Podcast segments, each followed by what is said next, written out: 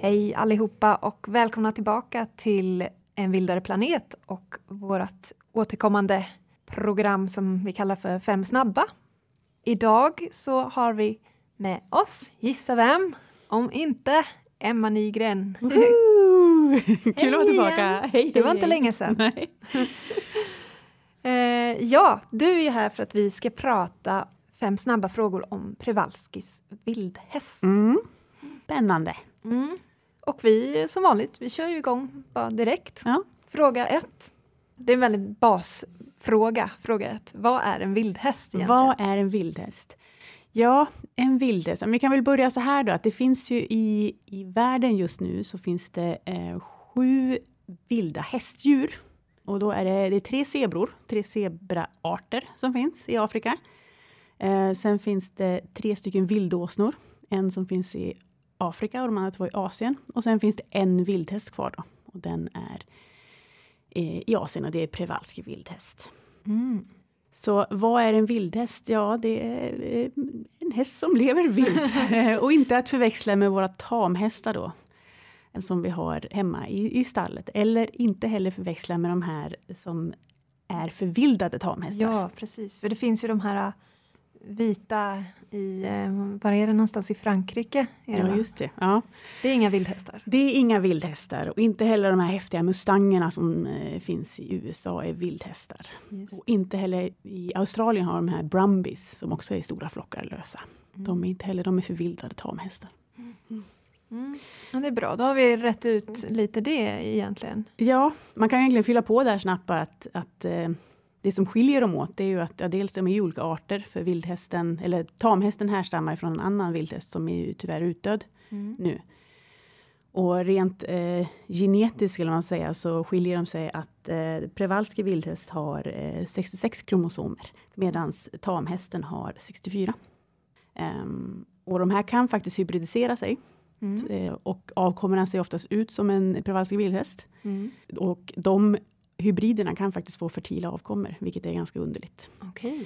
Eh, och enda sättet att se om det är en hybrid är att göra ett kromosomtest. För då har hybriderna 65 kromosomer. Okej. Okay. Mm. Hmm. Ja, det är intressant. Genetik kan man ju drunkna i om det man vill. Det kan man lätt drunkna i. Om. ja. ja, men då tycker jag ändå att vi har rätt ut begreppet vildhäst mm. faktiskt ganska genomgående. Mm. Eh, vi brukar här eh, på Nordisk Ark säga att Przewalskis vildhäst är världens enda kvarvarande vildhäst som du precis har sagt. Mm. Eh, men hur kommer det sig? Vad...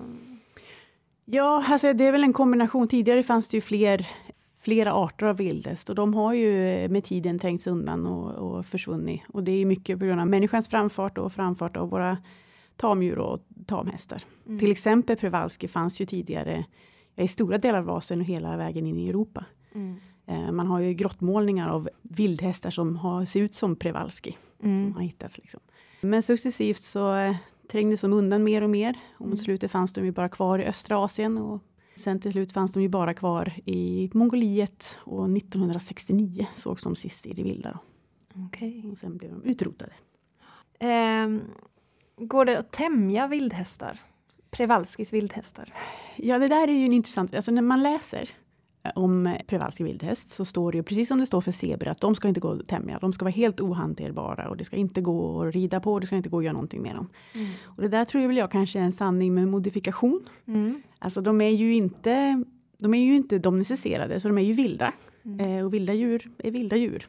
Men jag vet ju förr i tiden så fanns ju att man hade, det finns någon som hade zebror, körde vagn efter zebror. Mm. Eh, inte ofta, men det har funnits exempel när det har skett.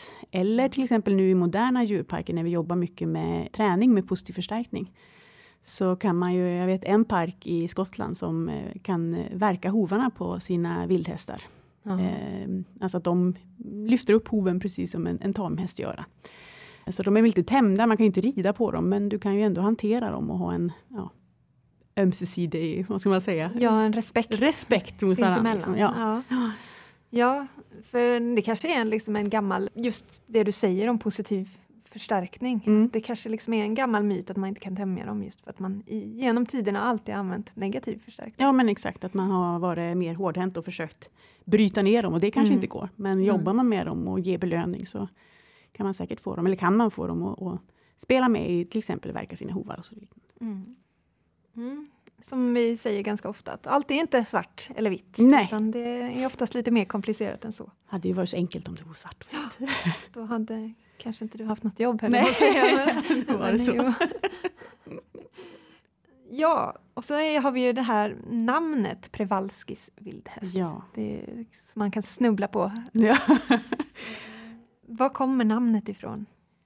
ja, precis som alltid med de här när det är lite konstiga namn eh, så är det ju alltid någon, oftast en man som Oftast en vit man kanske? Oftast en vit man också, som var någon typ av upptäckare eller naturforskare. Mm.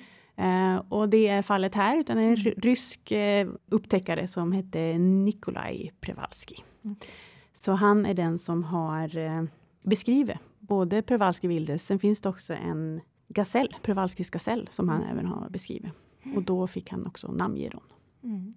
Bevarandemässigt med den här Przewalskis vildhäst då så, så har det ju gått ganska bra. För det Mm. var bara ett par enstaka individer kvar hos privatpersoner och Mm. på olika djurparker Mm. runt om i världen. Och Mm. sen har man byggt upp och till och med, ja, hur har det, vad är det som har hänt Vad är det som har hänt?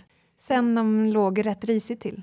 Ja, de låg ju rätt. De eh, ansågs ju, eller de utrotades där på 60-talet. Att Mm. då f- försvann de sista som man visste om i det vilda. Då.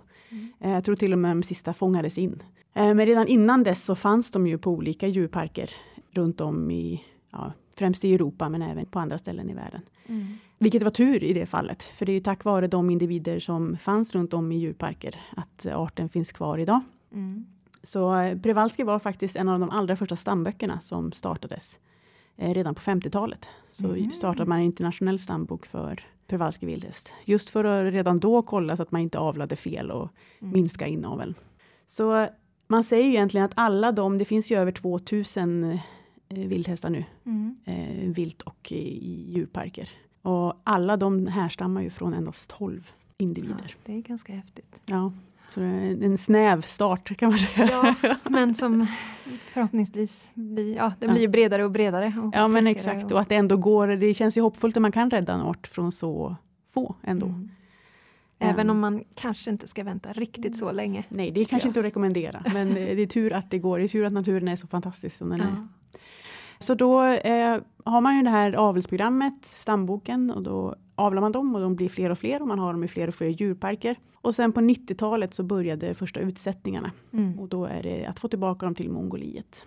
Och sen dess har det skett kontinuerligt utsättningar på tre olika platser i Mongoliet. Och nu tror jag man säger i det vilda att det finns runt ja, men över 400 individer. Okej. Och kollar man på IUCN, alltså den internationella naturvårdsunionen, så har det ju gått från att vara kritiskt hotad, alltså den högsta, Mm. Till att nu bara vara starkt hotad. Så den är mindre hotad nu och trenden ser positivt ut.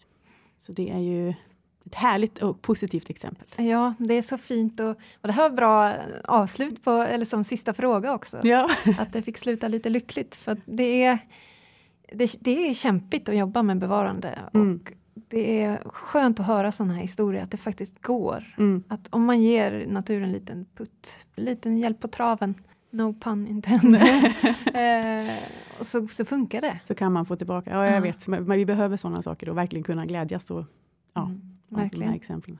Ja, trevligt att sluta på det sättet. Mm. Tack så mycket för att vi fick massor med intressanta svar idag. Eh, och nästa vecka så har vi ett nytt program. Glöm inte att lyssna på det för att lära dig ännu mer. Tack så mycket Emma. Tack själv. Ha det gott! Música